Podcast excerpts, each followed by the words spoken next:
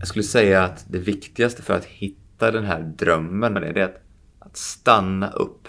För först när vi per definition har tråkigt kan vi skapa kreativitet. Det är därför det är bra för barn att ha lite tråkigt ibland, för det skapar en kreativitet. Ja. Vuxna funkar likadant. Och genom att då faktiskt bromsa upp, stanna upp, orientera vår energi från hjärnan som alltid pratar i i svart eller vitt. Den pratar alltid utifrån att någonting är rätt eller fel. Och det betyder att om vi då har en dröm som den anser är oseriös eller så där kan du inte göra så kommer den alltid att frånslå. Medan om vi vänder på det och istället får vår energi att gå från hjärnan ner till vårt hjärta så är hjärtat en hel regnbåge av uttryck och kommer då att del för det där, det där vår intuition är. Det är liksom där man brukar säga follow your heart, put your heart effort into it.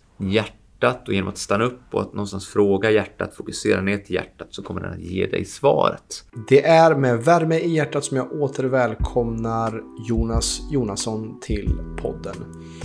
I detta avsnittet så dyker vi djupare främst kring drömmar och hur vi kan identifiera våra egna drömmar och hur vi kan lyssna på vår intuition till att leda oss till vad vi faktiskt är ämnade till att göra.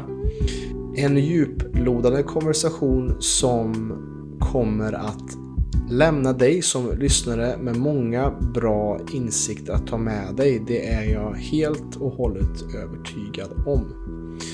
Och om du är intresserad av att höra det tidigare samtalet med Jonas så kan du gå tillbaka i vår poddkatalog och kolla på avsnitt 97. Och innan vi rullar igång med podden så vill jag bara påminna om vårt samarbete med pureness.se. Använd koden PLC-podden med 2D för att få 20% rabatt på hela deras sortiment av kosttillskott, proteinpulver och andra saker som kan optimera och hjälpa dig på vägen till bättre hälsa. Alltså använd koden PLC-podden med 2D för att få 20% rabatt på hela Pureness sortiment. Nu kör vi igång med avsnittet här med Jonas. Hej och välkommen till PLC-podden, podden som förändrar Sveriges syn på hälsa med mig Robin Hallsten och idag har jag också med mig Viktor återigen. Kul att ha dig med och framförallt så har vi också vår gäst här vid sidan också, Jonas Jonasson. Vi befinner oss på Elitcenter här i Malmö. Det har varit en eh, fantastisk vistelse här där vi har lärt oss otroligt mycket. Eh, mycket som för Viktor är ganska eh, som du har gjort, men för mig som är väldigt nytt kring lower limb som vi har utforskat igår här. Och nu så ska vi podda lite. Fantastiskt. Mm. Det är ju vårt tredje besök, eller mitt tredje besök, ditt andra besök. Mm. Och det är alltid fantastiskt att vara här. Härligt att ha dig här. Sällskap. Mm. Och det, den eh, ska man säga, vad kallar man det för på svenska? Tribe är ett fantastiskt ord på engelska. Men stam. Stam. Stamkänsla. Stamkänsla. Jonas och hans indianer här i Malmö. Eh, men man känner sig verkligen hemma. Vi är inte lika konstiga här som vi är på andra ställen. Nej, det är ju det. Det är ju vad som är vad normalt för förr är ju inte normalt. Och det är lite mycket det som vi förespråkar är ju att komma tillbaka till grunder och saker som är eh, som naturligt. var naturligt tidigare. Och det ser vi ju mer ju mer teknologin framskrider. Att vi glömmer bort, vi tappar bort vår kontakt med det naturliga. Eh, och helhetstänket som våra förfäder hade en större eh, kontakt med skulle jag vilja säga. Inte separerade sig själv lika mycket från naturen kanske. Ja, exakt. Mm. Det, det, är intressant att man i en värld idag jag vet, det är inte jag som har coinat det här uttrycket men jag tar det för jag tycker mm. det är bra. Vi skyller dagens sjukdomar och problem på våra förfäders levande. Det är ganska intressant i och med att i de ursprungsbefolkningar som fortfarande lever kvar ganska likt det sätt man lever generationer tillbaka. De har inga ord för de sjukdomar som vi idag sitter med. Alltså de här, den här epidemin av, som vi pratade om förra gången, liksom med, med kärlsjukdom, diabetes, övervikt etc. Bara för att ta ett, par. Någonstans så skyller vi vår ursprungskost eller våra, förfä, våra, våra förfäders levande någonstans skyller vi på dem för de sjukdomar som vi idag sitter. Och jag tror mycket av det ni nyss sa, att hitta det här tribala, att någonstans komma tillbaks till att förstå att eh, vi behöver communityt, vi behöver den här samhörigheten. Vi behöver samlas lite mer kring den här lägerelden. Mm. Eh, och vi behöver också förstå att vi är en del av naturen, vi är inte separerade från henne. Mm. Det tror jag är, eh, det är precis där och kanske precis därför ni då upplever er mer hemma. När ni kommer in i en, en, situation som den. Och jag är glad att jag kan vara en del av att bidra till att ni har den känslan. Så kul mm. att vara här eh, med er ikväll. Kul att ni är här och hälsar på oss mm. på Elitcenter. Mm. Och det är ju liksom, kollar man på loggan på Elitcenter så har du de fyra elementen med där. Eh, eld, jord, vatten och, och, och, vind. Och det naturliga är ju någonting som genomsyrar det som du håller på med också. Och jobbar med. Eh, och där är jag också intresserad av att höra mer kring vart startar den här uh, resan för dig med att kanske upptäcka vikten av det som du håller på med och det som du skapar här på Elitcenter och den kulturen som du på något sätt skapar också med alla de coacherna som finns här också. Mm. Hur många dagar hade vi på oss? eh, nej, alltså någonstans om man tittar på det så, så var det ju en, om man tar hela min story så, så börjar det nog kanske som för många andra. Eh, att man kanske har en elitidrott eller en elitsatsning. Eh, man råkar få en skada. Mm. Eh, och man söker efter hjälp men lyckas inte riktigt då hitta den eller få den hjälpen som man kanske då hade förväntat sig.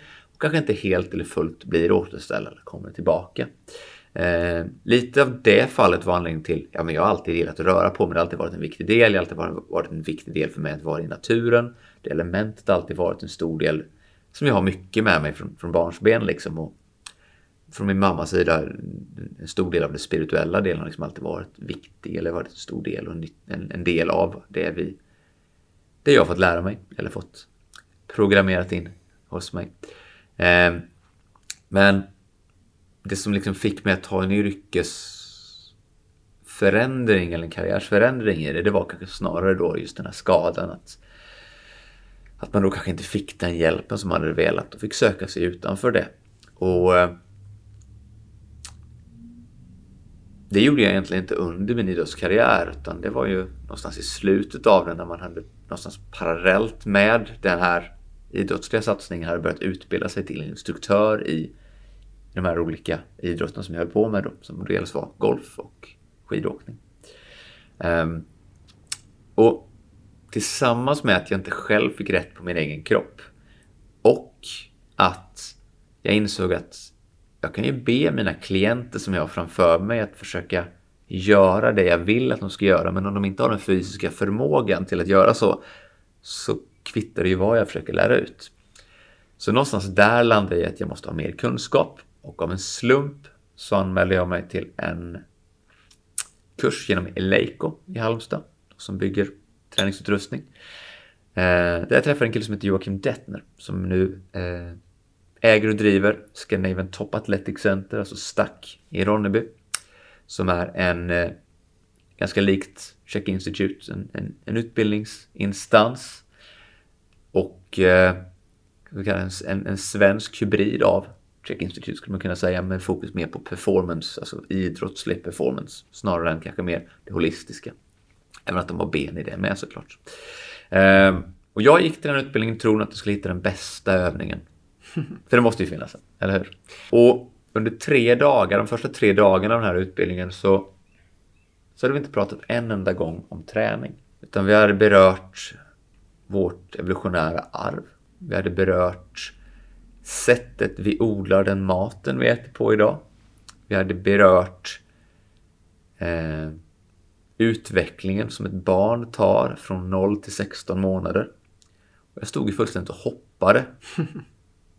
För jag hade förväntat mig att få träningsövningar. De resterande delarna av det, den utbildningen handlar om att lära sig göra en screening. Det vill säga titta på kroppen med holistiska ögon att ta in en helhet och förstå att utan att göra en analys utav kroppens hållning, rörlighet, stabilitet och rörelseförmåga och funktion så kan du egentligen inte rekommendera en enda övning. Så det var lite startskottet på min, på min, liksom, min, min yrkesmässiga förändring egentligen. Och eh, i och med att Joakim då hade gått genom Check så kom ju Paul Check och Check Institute upp som en del av att vidareutbilda sig. Och eh, egentligen från 2005 då när jag gick den kursen och framåt till 2019 så läste jag ju både då vidareutbildningar eh, utanför Check Institute inom då manuell terapi, och osteopati, funktionsmedicin men även då genom Check Institute och är idag en, en av de här som kan få titulera sig Master Practitioners. Eh, sedan 2019. Så att eh, det är lite kort om min resa eh, just kring min personliga del i det. Varför jag skapade Elitcenter då? För den är ganska viktig också och mm, jag stod ju vid ett vägskäl där jag började med att jag jobbade på Ronneby, eller i Ronneby, på Stack. Ehm, efter utbildningen där och hade väl alltid haft ett driv och någonstans ett mål att, att starta någonting eget och att gå en, en egen riktning i det där. Eh, på grund av många anledningar egentligen. Men eh, jag tog i alla fall steget att flytta ner till Malmö 2011-12. Och, och startade ett eget företag. Jag jobbade tillsammans med kollegor. Tyckte väl att de inte var så spårnoga alla gånger och började gå mer och mer åt mitt eget håll och öppnade en liten klinik här borta. Några hundra meter från där vi är idag i Västra Hamnen, Malmö. Eh, där jag jobbar med ett fåtal kollegor. Martin är en av dem som är kvar fortfarande idag, som ni har träffat. Där vi gick lite mer all in till att jobba med helhetslösningar egentligen. Sen någonstans där, tre och ett halvt, eller fyra och ett halvt år sedan, så stod vi lite vid vägskäl att antingen så, så klev vi upp in i grottan och blir den här The Hermits och bara gör min grej och isolerar mig lite mer i det och går den riktningen. Alternativt nummer två så skapar jag en, en plattform eh, för att hjälpa både coacher och människor till att uppnå deras sanna potential. Och i och med att mitt legacy, det jag vill lämna efter mig, eh, som såklart har blivit tydligare med åren, är att lämna planeten bättre än när jag fann den. Vilket är lite diffust, men för att göra det, för att hjälpa människor förstå hur mycket potential och ägandeskap de har i sin egen, i sin egen hälsa och sitt eget välmående, eller till sin egen hälsa och sitt eget välmående, så kan ju jag ha en kund i taget i evighet. Men om jag istället kan skapa en plattform som öppnar upp för det här communityt där man faktiskt kan våga vara autentisk sig själv samtidigt som jag kan då hjälpa coacher att bli ännu effektivare. Så för, förhoppningsvis uppfyller jag ju mitt legacy eh, till en högre grad i alla fall än vad jag hade gjort om jag bara jobbat ensam. Och det var någonstans embryot lite grann till att det blev den här lite större faciliteten då, den här multimodula faciliteten som vi då har idag. Ehm, och det är väl också lite av den anledningen till att jag står mycket både på nationell och internationell front och föreläser om just hälsa utifrån ett holistiskt perspektiv. Ehm, och har den förmånen genom Check Institute, Stack och Paleo Institute i Sverige. Då, mm. vilket är väldigt, väldigt kul. För då kan jag nå ut till coacher som i sin tur kan coacha. Precis. Ja, men det är ju ett otroligt viktigt jobb och, och som vi sa sist vi var här också att det är så kul att ha det så nära här i Sverige. Att ha mm. den tillgången, den resursen som du skapar och att det som, det som du säger att du kan hålla på med en person eller men då stannar ju oftast kunskapen med dig och att mm. göra det så opersonligt som möjligt. Man kan, hur kan jag sprida det till så många människor som möjligt? Uh, och det är det som vi också snackar om, eller som Check snackar om. One dream, two forces, three choices, four doctors. Och där vi, som vi också på PLC ofta startar när vi har en analys, är den första frågan, vad är, vart vill du vara? Vad är den långsiktiga drömmen du vill ta dig till? För att vi märker det, jag och Viktor, att har du en person som bara vill gå ner fem kilo till och komma in i bikini till sommaren, så är det lite svårare att få dem att hålla ett holistiskt sätt och synsätt på sin hälsa. De kanske går ner de kilona på ett sätt som, är, som inte är hållbart. Eh, och därför är det så viktigt med ett varför, ett syfte, att ha någonting att sträva efter och gå upp till. Som du säger, att skapa någon form av vad, att se den, den lång, långsiktiga biten, att vad är det jag skapar med mina handlingar och bli medvetna om faktiskt hur stor effekt vi kan ha på individer som vi jobbar med eller som vi träffar. Då skapar det också en helt annan relation till hur vi skapar våra liv. Vad Absolut. tänker du kring det? Jo men absolut. Alltså dels så, så är det någonting som som både ni och, och vi på Elitcenter jobbar väldigt mycket med så är det ju dels att ta ett helhetsansvar. Att vi någonstans ser till, inte bara symptomen eller den här fem kilon jag ville droppa inför sommaren, utan någonstans förstå att det är ett, människan är långt mer komplex än en bil. Så att vi måste förstå att vi kan inte bara liksom byta bromsar på vänster fram hjul, utan vi måste kanske förstå varför de blir mer slitna och att det kanske inte alltid är så enkelt att det är bara just där vi måste titta. Utan det är där helhetsbiten vi tittar på. Men vi kan försöka se hur mycket helhet som helst egentligen. Men förändringen hos våra klienter eh, den kommer ju först när deras dröm, mål och vision blir tydlig nog. För om de inte har definierat det på ett bra sätt så blir förändringen inte viktig nog för dem. Ja, eh, jag sa det i förmiddags, nu är det lite mer åt kvällshållet när jag pratade för ett företag tidigare att just för att få igenom en förändring så måste du någonstans antingen ha eh, två, du måste ha två saker. En del är en, en väldigt tydlig dröm. För då blir förändring enkel. Den andra är att vara sjuk. För då blir också förä- förändring enkel. Och det är det vi kallar för the pain teacher egentligen. Eh, men att vara i det här mellanlandet så finns det egentligen ingen anledning för oss rent psykofysiologiskt att göra en förändring. För det är ingen tydlig riktning i den förändringen jag gör. Eh, och det kanske av den anledningen ni har ert varför du vill göra det här. Eller att man jobbar med, med en dröm. Eh, att man jobbar med att ta reda på klientens dröm och målbild utifrån ett lite större perspektiv än bara de här fem kilorna. Eh, För att om vi bara ser det utifrån det så blir det en ganska vag anledning till att göra den här långsiktiga förändringen. Som det egentligen handlar om för att få ett bestående resultat. Och ett litet ägandeskap också. För de här fem kilona är ju inte... Du, du tycker sannolikt då att kakan är godare än vad de här fem kilona är viktiga för dig. Vilket får dig att göra det valet. Precis. Och det är också det med när vi har, för men de flesta som kommer till oss är ju inte bara 5 kilo utan det är eh, antingen väldigt många fler kilon men också att det är mer djupliggande hälsoutmaningar.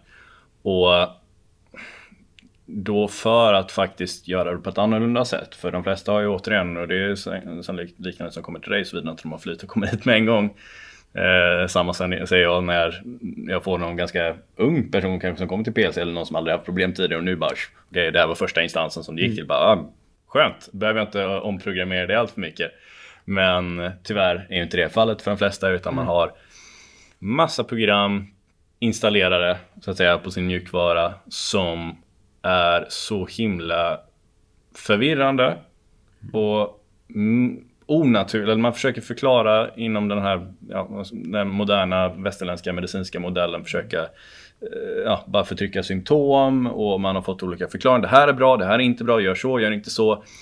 Och det blir så, lägg på 30 år av det liksom. Och att man har ont och problem och inte får, ja, det, det är förståeligt att det är rent ut sagt jävligt förvirrande och frustrerande. Och vad vi försöker göra är ju att faktiskt dels sudda ut programmeringen men att binda samman det med någon typ av unifierande teori här. Och för personen som är redo för det. För det är ju det som är utmaningen ofta. Att man är där man är och är man i mycket smärta så kanske man inte är mottaglig för all typ av information. Men precis det du sa där med har du inte alltså, koll på din dröm, vision, mål, alltså vad är det du faktiskt vill göra, vad är det du vill skapa, är medveten om du har ett ägarskap på det. Då kommer du undermedvetet, medvetet göra val som för dig dit. Medans har du inte tydlighet i det. Alltså om du inte har något mål att sikta på, ja men any, any road's gonna get you there. Exakt. Exakt. Jag tycker ändå, jag för mig att det är Jerry Welsh tror jag har den quoten. Eh, Så jag tar ytterligare ett citat, tänker jag. Men jag tycker det är bra och jag tycker den är tydlig. Eh, Han säger If you have a big enough dream there is no room for crisis. Och med det sagt betyder det om din dröm är stor nog för dig, viktig nog för dig, så blir din förändring enkel. Och av den anledningen så är det ju där vi måste börja. Och väldigt få, i alla fall i min värld och de klienter som är utanför elitidrotten som jag möter, eh, så har man väldigt svårt att definiera någon sorts dröm. Däremot vet man vad man inte vill. Så mardrömmen har man lite lättare för och den kan också vara bra. För det är verkligen, det skulle bli ett resultat som skulle leda till the pain teacher. Många gånger. Så det är klart att vi kan ta hjälp av den med. Och motsatsen oftast till en mardröm är ju lite mer i riktning mot vår dröm såklart. Om man ska använda ett, ett checkcitat lite i det också. Så att eh, det är viktigt. Och det är viktigt för att få den här långsiktigheten. Vi vill ju gärna jobba med kunder över lång tid så att vi jag ska inte säga att vi håller dem i handen för det är inte riktigt det vi gör. Det kan man göra i förskolelärare eller pedagoger gör det med barn av en anledning. Vi jobbar mer med vuxna individer och då handlar det mer om att vara ett coachande, en coachande sits där vi ger dem verktyg för att själv äga sin egen hälsoutveckling. Och det tar tid och då behöver man ha det vi kallar för check-ins eller avstämningar där man tar då och stämmer av det som har gått och bygger på med fler modeller egentligen. Och det är bra att du skiljer på det just med pedagogik och coachande. Det är många som missar det. Är det. Och man försöker att ja, vara ytterligare en lärare för den här personen som redan har haft 20-30 stycken som de är jättetrött på. Liksom. Utan man får hjälpa den hitta ja, sitt varför för då blir resten enkelt faktiskt. Precis. Precis. Och det är också därför som det inte är hållbart de flesta sakerna. För om man bara tänkte att mitt problem var de här 10 kilona och inte anledningen till att de uppstod från första början. Vilket är att du inte tydligen hade tillräckligt bra hälsovärderingar för dig själv. I Precis. nuläget. För hade varit, jag menar, det finns en anledning till att jag inte dricker Coca-Cola och äter på McDonalds. Det, det finns liksom inte. Nej. Och så är det många som säger, men Viktor, du, du måste fuska någon gång. Ja, alltså med vissa saker absolut. Men jag har väldigt tydliga gränser när det kommer till andra saker. Så det är ingen, det är ingen utmaning för mig att inte äta på McDonalds. Även om jag eh, säger att jag någon gång skulle varit ute en sen kväll liksom och är jättehungrig och det enda som finns öppet är McDonalds. Nej men det, det existerar bara inte hos mig. Nej. För det är så tydligt, det finns inte i min värld och därav är det ingen kamp längre. Och det är också dit som vi vill få personer eller den som lyssnar som vill ha en förändring tills dess att det är en självklarhet, så- alltså så länge det är en kamp så kommer du förr eller senare förmodligen misslyckas med den kampen. Utan vi behöver komma till en plats där det inte är en kamp längre. Precis. Och sättet du gör det är ju återigen att ha tydliga värderingar, en tydlig dröm, anledning. Som sagt, om om du sätter en pistol mot huvudet på dig och du inte är trött på att leva så kommer ju du göra vad nu än det är som krävs för att du ska komma därifrån. Precis. Då har du motivationen. Och om du kan göra din dröm lika tydligt som den mardrömmen i din Ja, dröm, precis. så kommer det ju bli någon typ av förändring. Ja, jag tänker också mycket på syfte, varför och mening. Och när du, när du säger det, en bra sätt att starta är ju vart är det jag inte vill också. Om man inte vet exakt, om du lyssnar idag på det här avsnittet bara jag vet inte vad min dröm är. Men då är det bra att stapla upp vad är det faktiskt jag inte vill. Vart Precis. vill jag inte komma om fem år. Sen är det inte det man ska fokusera på. Men då har man en bild i alla fall vad som är det mest suboptimala i, i ens framtid då.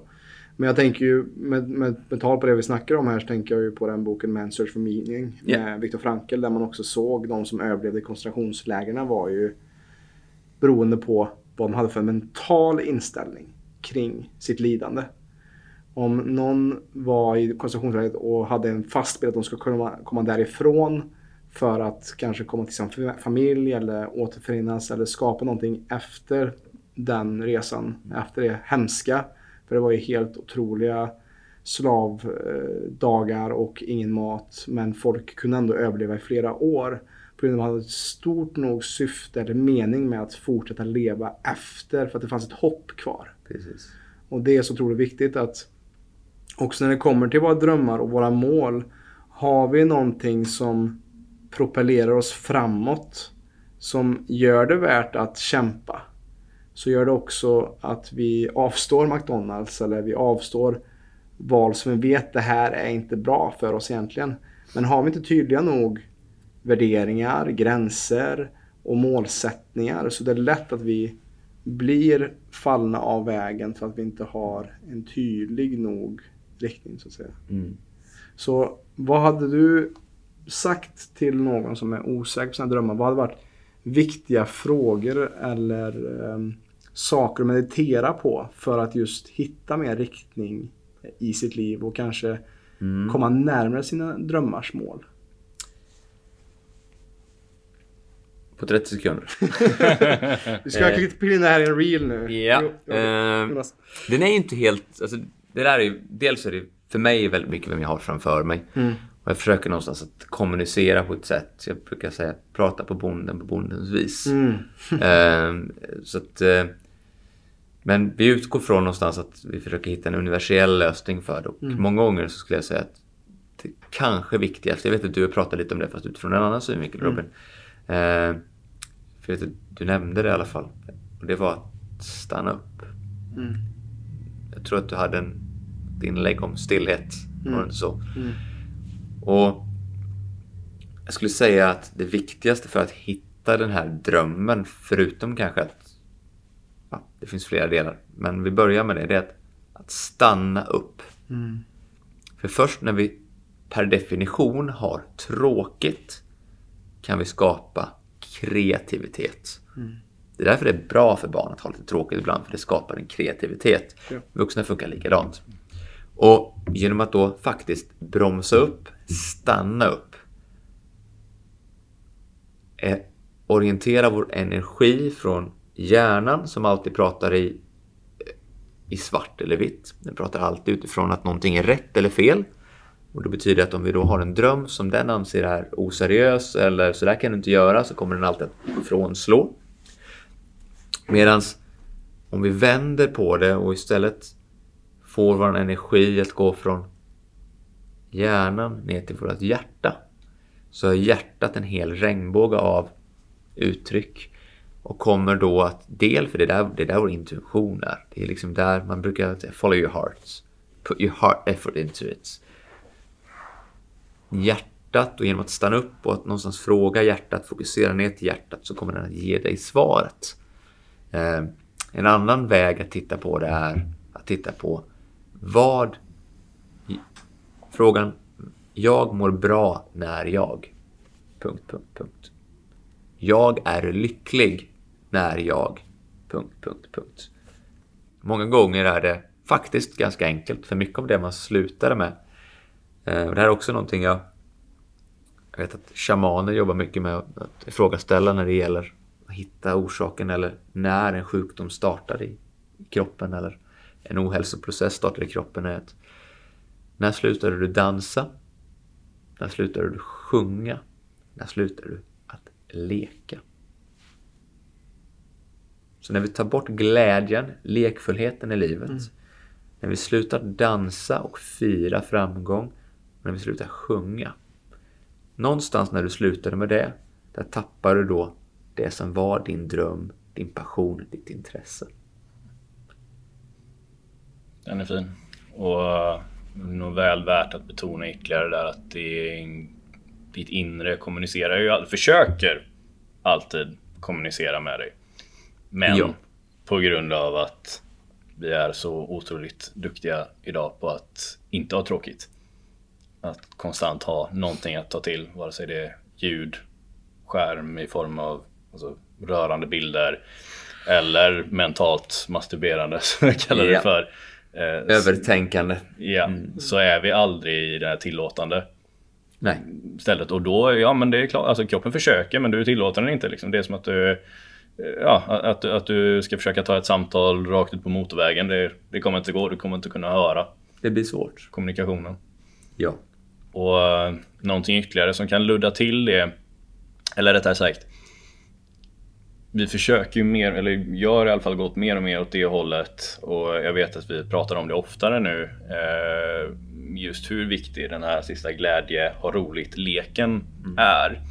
Men tyvärr så är det ju flera som är på ett plan där det var så pass länge sedan. Mm. Eller på grund av andra saker att det är så pass avtrubbat. När jag frågar personen i samtalet vad, vad är det som gör dig glad? Och då säger man Jag vet inte. Det, man, man försöker ge mig ett svar som de tror att jag kanske vill höra. Mm. Ja, nej men röra på mig, träna och det här liksom. Okej, okay, alright. Bra att ta hand om dig. Det är något du tycker du mår kul. bra av liksom, mm. du tycker det är kul. Du gör det ju uppenbarligen inte. Men du, men, du mår bra av när du gör det. Ja, ja du mår precis. bra när du gör det, precis. Men utöver det, varför vill du må bra? Mm. Vad va är det där? Och där så bara yeah. noll. Och uh, det kan ju vara delvis som sagt att det kanske är någon uh, någon, någon uh, mental sköld. Alltså man, man mm. bygger upp väggar för att det kanske känns smärtsamt att det var så pass länge sedan eller att det var något traumatiskt som hände som mm. blockerade. Det kan också vara att man kanske tar diverse Alltså om du är på en rad mediciner till exempel mm. Så är det bara ett faktum att din kroppskommunikation är störd. Ja.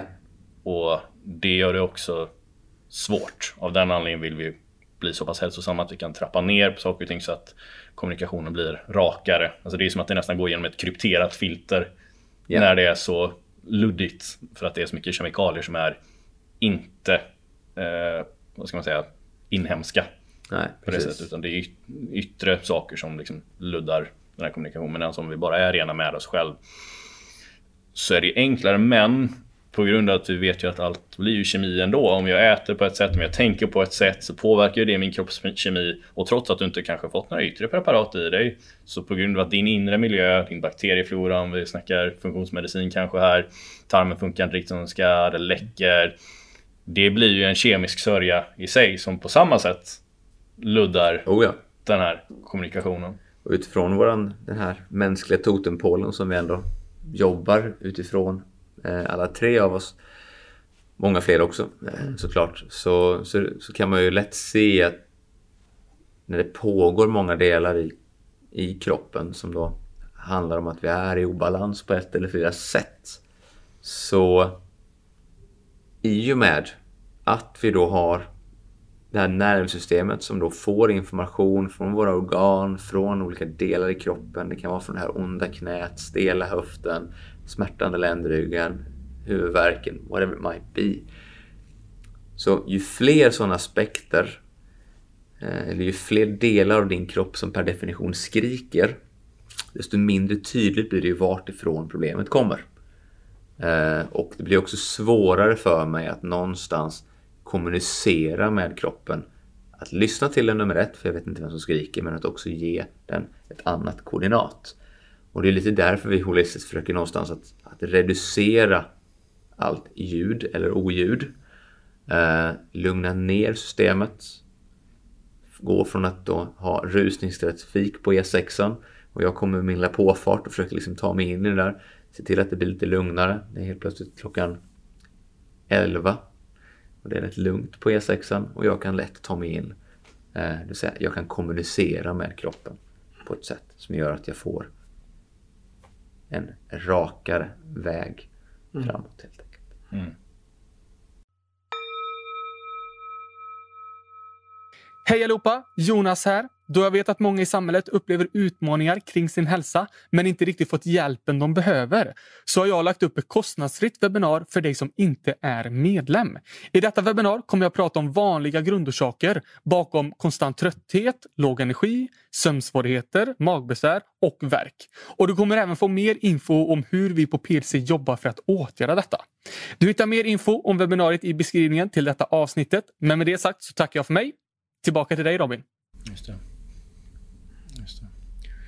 Ja, jag tänker ju bygga vidare på det med, med tystnad som du var inne på där också. Att eh, vi är i en sån eh, samtid där allt rullar på så fort och, och ehm, där de flesta idag proppar innan de ens har gått upp ur sin säng, proppar sin skalle full med andra människors agendor. Eh, och det, ja, då menar jag telefonen såklart. Att många är inne på Instagram och Facebook innan man ens har gått på toa liksom. Yeah. Och, och där är det så otroligt viktigt att ta ett steg tillbaka.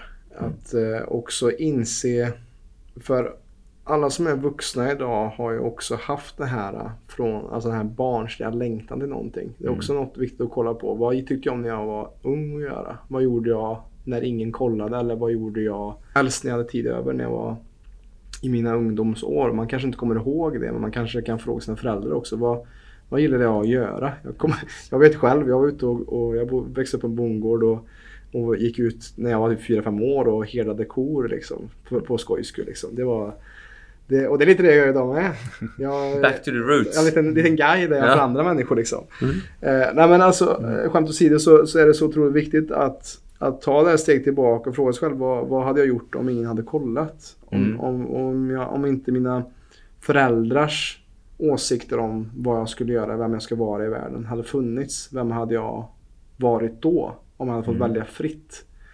Bakom de här eh, att, att vara en god eh, god familjemedlem eller för att för att vara ärliga så, så är det så att våra föräldrar vill oss alltid väl. Men det behöver inte alltid betyda att de vill eh, att vi ska gå vår egen väg. För att det kan i deras ögon vara en farligare väg. Som, Absolut. som kan vara en, en god eh, ambition och att, att beskydda sina barn från, från smärta Precis. för alla föräldrar. Men det kanske inte är den vägen som kommer nära vår själ allra mest. Nej. Det blir ju också mer och mer smärtsamt ju längre bort- bort du går Ja. från det. Ja, när du inte lyssnar. Ja. Det där är ju, vi lever ju alla ut våra föräldrars program eh, kanske mest och eh, när vi ser till oss själva och framförallt ser till våra vänner. Om vi har förmånen att känna deras föräldrar också så ser man ganska tydligt när man utsätts för eller när ens vän utsätts för en, en, en pressad situation hur han eller hon agerar ganska likt sina föräldrar. Eh, och det är ju för att vi någonstans under våra första sju levnadsår får ju, dels befinner vi oss i det som kallas för en semihypnos per definition ju. Och det är för att vi ska kunna ha möjlighet, för vi kan inte genom medvetenhet, genom att vara då i den, den, den medvetna delen av hjärnan, kan vi inte ta in så mycket information. Det finns inte en chans. Vi skulle aldrig kunna lära oss varför vi kommunicerar olika med våra respektive, mot släktingen, med grannen, post, eh, brevbäraren, dagisfröken, förlåt mig, förskolepedagogen. eh, så att allt det där, för att kunna förstå hela det här liksom sociala spelet och agerandet och även lära sig allt det man behöver göra rent utvecklingsmässigt motoriskt så befinner vi oss faktiskt i en, en semihypnos under våra sju första levnadsår.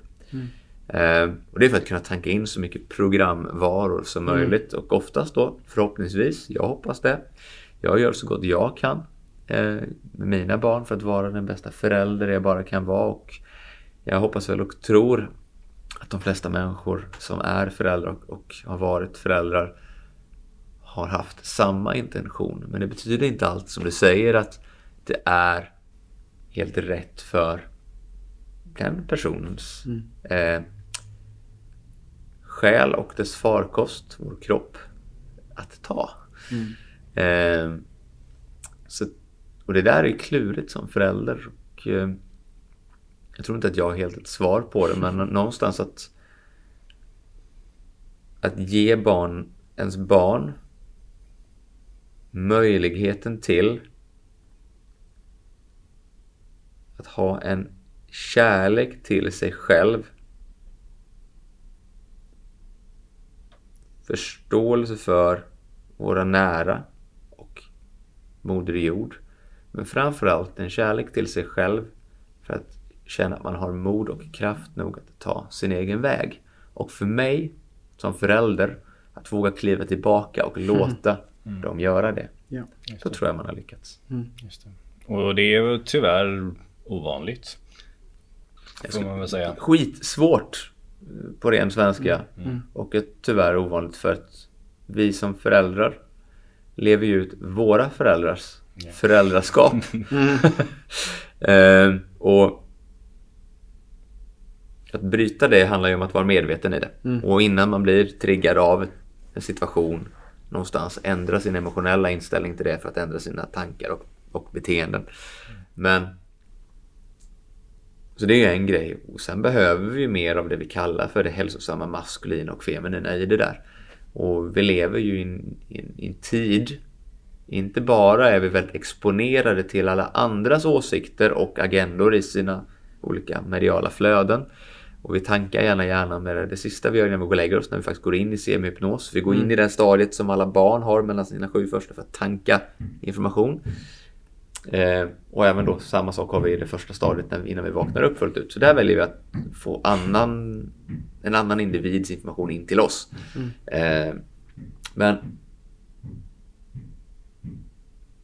utöver det så har vi också en, en vi har ju en, en, en, tid där det här, om vi nu går tillbaka till det tribala som vi pratade om, där vi har genom årtusenden haft ganska tydliga ritualer som har tagit oss från childhood in till adulthood. Mm. Och det har sett lite olika ut beroende på vart man har befunnit sig någonstans och även mellan olika kulturer och maskulint feminint såklart. Men det har alltid funnits en väldigt tydlig eh, gräns till att du ska få kalla dig och gå från pojke till man eller från flicka till kvinna. Mm. Um, och du har alltid haft visa män och kvinnor med dig i det här för att hjälpa dig att göra den övergången. Idag har vi en värld där majoriteten utav vuxna människor fortfarande lever ut sitt eget barn. Mm. Inte det lekfulla barnet. Mm. Utan de lite mer sköra och kanske fragila delarna av mm. barnet istället. Mm. Som mer kan ses som de negativa aspekterna. Vad som dyker upp i mig här är just en väldigt bra förklaring på varför många mår dåligt idag egentligen. Men man kan ta det från att yes, mat, jord är mindre näringsrik, yes, luften är förorenad, Eh, vattnet är förorenat. Så vi har alla de här sakerna som väger in. Men eh, som vi vet, det går att vara hälsosam idag. Ja. Jag anser mig själv relativt hälsosam. Jag vet att du anser dig relativt hälsosam. Robin anser sig relativt hälsosam. Vi har saker att jobba på såklart, ja. som alla andra har. Ja. Eh, men vi befinner oss ändå på en nivå där vår hälsostatus inte begränsar oss att leva vårt bästa liv i nuläget. Precis. I alla fall så känner jag. Jag tar inga medicin i alla fall. Jättebra. Good for you! En, en, en solen. Sol och vitamin sol och, och, uh, sol och vatten. Luft. Sol in i vatten. Men eh, vad, vad, som dyker upp för mig här är just en väldigt bra förklaringsmodell eh, som också tar bort skulden från den som mm. eh, befinner sig i, eh, i en jobbig situation nu. Men också öppnar upp för ansvar. För det är det som är grejen. Du vill inte yeah. se det som ett offer. För då kommer du aldrig göra någonting. Precis. Men ja, du blev delad en jobbig hand. Men du har nu möjligheten att faktiskt ta ansvar över det om du väljer det. Ja. Men som sagt, det kan ju förklaras då av att dina beteenden är ju nedärvda beteenden. Eh, det är som sagt om, om, ja, om man har en, ett barn som är överviktigt. Det är ju inte barnens fel. Det är inte generna. Även om föräldrarna är överviktiga också. Men det är på grund av att de ärvde ju beteendet. Eller Precis. blev matade med vad det nu var som föräldrarna matade dem med och matar sig själva för den delen också. Precis. Pratar väldigt ofta med föräldrar och man pratar om eh, barn som är väldigt eh, kräsna. Eh, och det vet vi ju alla eh, som har erfarenhet av det att yes, så kan vara fallet. Men jag som också sett båda delar av det är ju att när föräldern har väldigt bra koll på sin kosthållning och tydliga värderingar så ärver barnet det. Och det är ingen större fara. Nej. Eh, sen är det jättejobbigt som sagt när det väl har gått några år och det är invant beteende. Då är det jobb att bryta det. Det går att göra. Men det är jobb såklart. Eh, men det är bara ett faktum om du inte har tillräckligt med livsenergi för dig just nu. Då är det klart att det också blir ytterligare svårt för dig att hjälpa ditt barn hitta sin rätta eh, ja, val och värderingar och så här. Men det går ju tillbaks till dig återigen. Sen förklaras det för att dina föräldrar eh, ju du fick ärva deras beteenden och värderingar.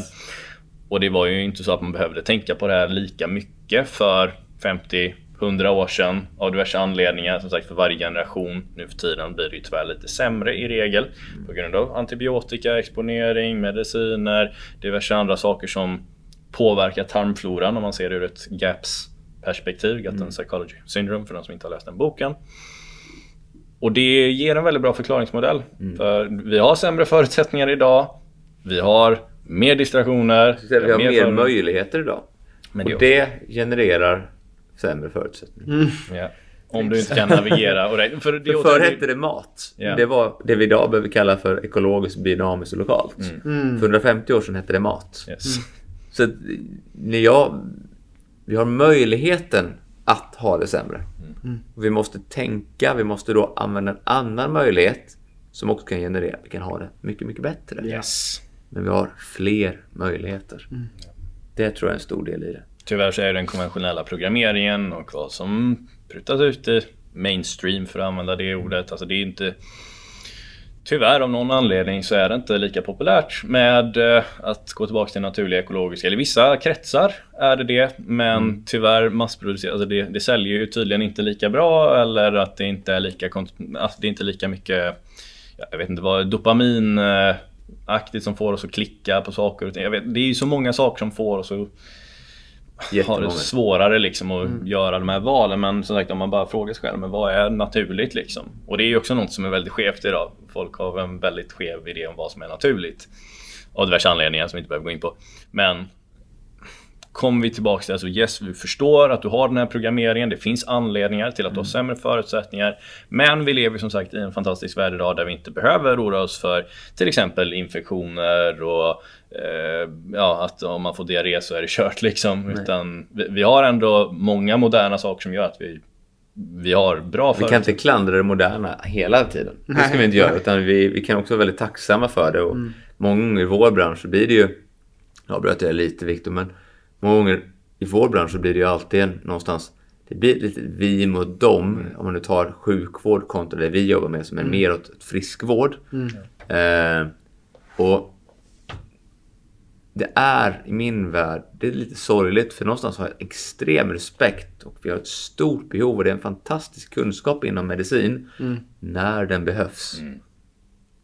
Och det är ju samspelet mellan sjuk och friskvård, det är den integre- integreringen vi behöver mer av. Ja. För ingen ska säga att det inte är tacksam för att det finns medicinsk vård när vi råkar få, ja, vi tog ett exempel, du tog diarrén som ett exempel, det kanske inte är det mest akut, men ändå liksom, det finns hjälp att få när det behövs. Jag var med om en trafikolycka, fått en så, ett öppet sår där det inte räcker att jag kramar ett träd, missförstå mig rätt, eh, eller äter en ekologisk broccoli eller en steak, helst steak. Så, så då behöver vi den medicinska vården.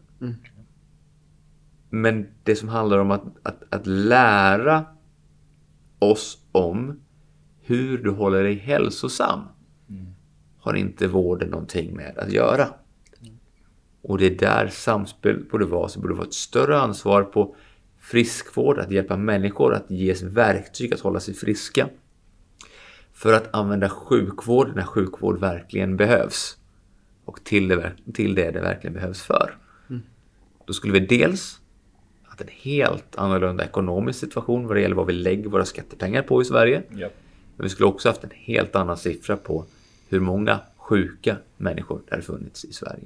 Och jag tror det är genom den typen av förändringsprocess vi behöver och kanske också måste gå för att ändra sättet vi ser och jobbar med hälsa och hälsoutveckling framåt.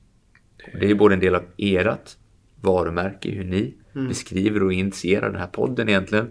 Och en del av, av Elitcenter, så mitt legacy. Men för att det ska ske så måste man ge människor, det är kanske därför vi sitter här idag, verktygen till att äga sitt eget liv. Aho. Oh, great spirit! Ja, det är ju så att eh, sista frågan brukar ju vara relaterad till exakt det du besvarade här just nu, eh, Jonas. Ehm, just hur vi kan förändra Sveriges syn på hälsa.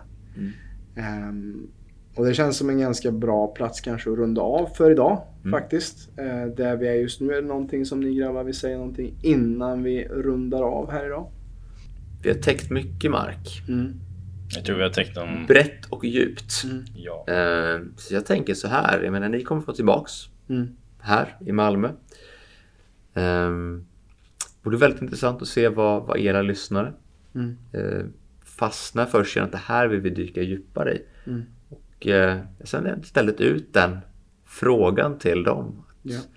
Styr oss gärna i vart ni har era intressen. Så dyker vi vidare. Tycker det låter hur bra som helst. Som Ja. sagt, vi, har ju, vi kan gå in på så många olika områden. Då, eh, sagt, ni PLC-familjen här är ju väldigt välkända i mig och hur jag nördar ner mig i allt möjligt. Jag kan säga att Jonas är som en sju år äldre version av mig. på många sätt och vis. Och eh, det är så många olika aspekter vi kan dyka ner i som man vill dyka ner i. Men jag tycker verkligen du summerade det fantastiskt bra där mot slutet med vad vår utmaning är. Och ja, det är ju en frustration som jag har, som många som lyssnar har. Oavsett vilken sida av staketet man står på, för det är ju så polariserat idag.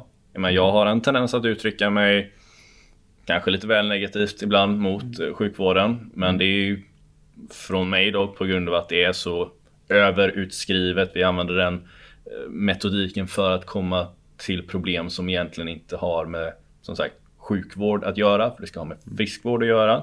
Som sagt, du ska inte, är det så att du inte är ute i ljuset, du andas inte frisk luft, du har ingen connection med familj och vänner eller att du är, har någon typ av lek eller något sånt sak som du brinner för. Då är det väldigt, väldigt, väldigt hälsosam reaktion av din kropp att inte må bra och kommunicera med dig att du, du behöver komma tillbaka till dig själv. Ja. Och om du då dämpar den känslan med någon typ av preparat, det är därifrån jag kommer med det här, så ser jag problem om det är långsiktigt. Sen kan det vara behövligt för vissa korta perioder medan du gräver ur dig ur det här jobbigaste, jobbigaste i hålet. Men drar det över x antal år, ja då, då är det att du liksom bara tagit ur batteriet ur brandvarnaren, du lyssnar inte på din kommunikation. Det kommer bara bli mer och mer och mer och mer smärtsamt ju längre det går. Som sagt, vare sig det är någon sån form av medicin eller om det är att du egentligen vill måla Ja. men inte gör det och går längre och längre och längre, längre ifrån det. Ja. Ja, fantastiskt att vara här igen. Härligt. Fantastiskt lärorika dagar och fantastiskt gott sällskap och jag ser väldigt mycket fram emot att komma tillbaka hit igen. Så välkomna båda två. Det, det gör jag verkligen. Och för dig som lyssnar och är intresserad av Jonas så kan man kolla på elitcenter.se. Det finns även på Instagram ett konto där man kan kolla om ni vill ha högklassig hjälp med många olika fysiologiska problem men även när det kommer till många andra grejer som ni gör också. I, Och det kan väl även tillägga att vi spelar ju faktiskt in en eh, eh, längre video och det kanske blir flera videos till och med där Jonas går igenom sin eh, process. Hur han jobbar med personer. Biomekaniskt var du inriktningen Ja. på nu men han integrerar det såklart i en holistisk process. I övrigt beroende på vad du har problem med. Eh, så för den som vill veta lite mer om det och eh, ja, vad du kanske skulle önskat av om du vill ha hjälp med att komma under, underfund med vare sig det är verk eller andra mer lagrade problem så att säga. Eh, och veta lite hur han jobbar som sagt och se hur han jobbar så kan man med fördel kika på det och det tänker jag vi kanske länkar i eh, ja, vi beskrivningen. lägger nog ut det i samband med att vi släpper det här avsnittet tänker jag på sociala medier och så vidare. Så det kommer gå att hitta. Och jag vill tacka dig som har lyssnat på hittills, så här långt in i avsnittet, för dina öron och för din värdefulla tid. Det är inget som vi tar eh, på, vi tar för givet helt enkelt. Eh, och har det varit inspirerande, har det varit givande för dig, det som vi har delat här idag kring drömmar och mål och syfte och hälsa. Så dela för all del gärna med dig av det här perspektivet, den här podden till fler människor så att vi med stadig, rask takt kan förändra Sveriges syn på hälsa. Tack för idag. Tack för idag. Tack. Boom. Stort tack för att du har lyssnat på detta avsnittet av PLC-podden. Om du som lyssnare är intresserad av att få bättre balans på din kropp och hälsa så kan du gå in på www.plclub.se. Där kan du göra en gratis hälsoundersökning och läsa mer om hur vi hjälper människor på ett holistiskt sätt att skapa mer energi, få igång förbränningen och minska värk. Alltså www.plclub.se. Vi finns även på Instagram, YouTube, Spotify och Facebook at Premium Lifestyle Club om du vill ta del av mer gratis material. Stort tack för din tid här med oss.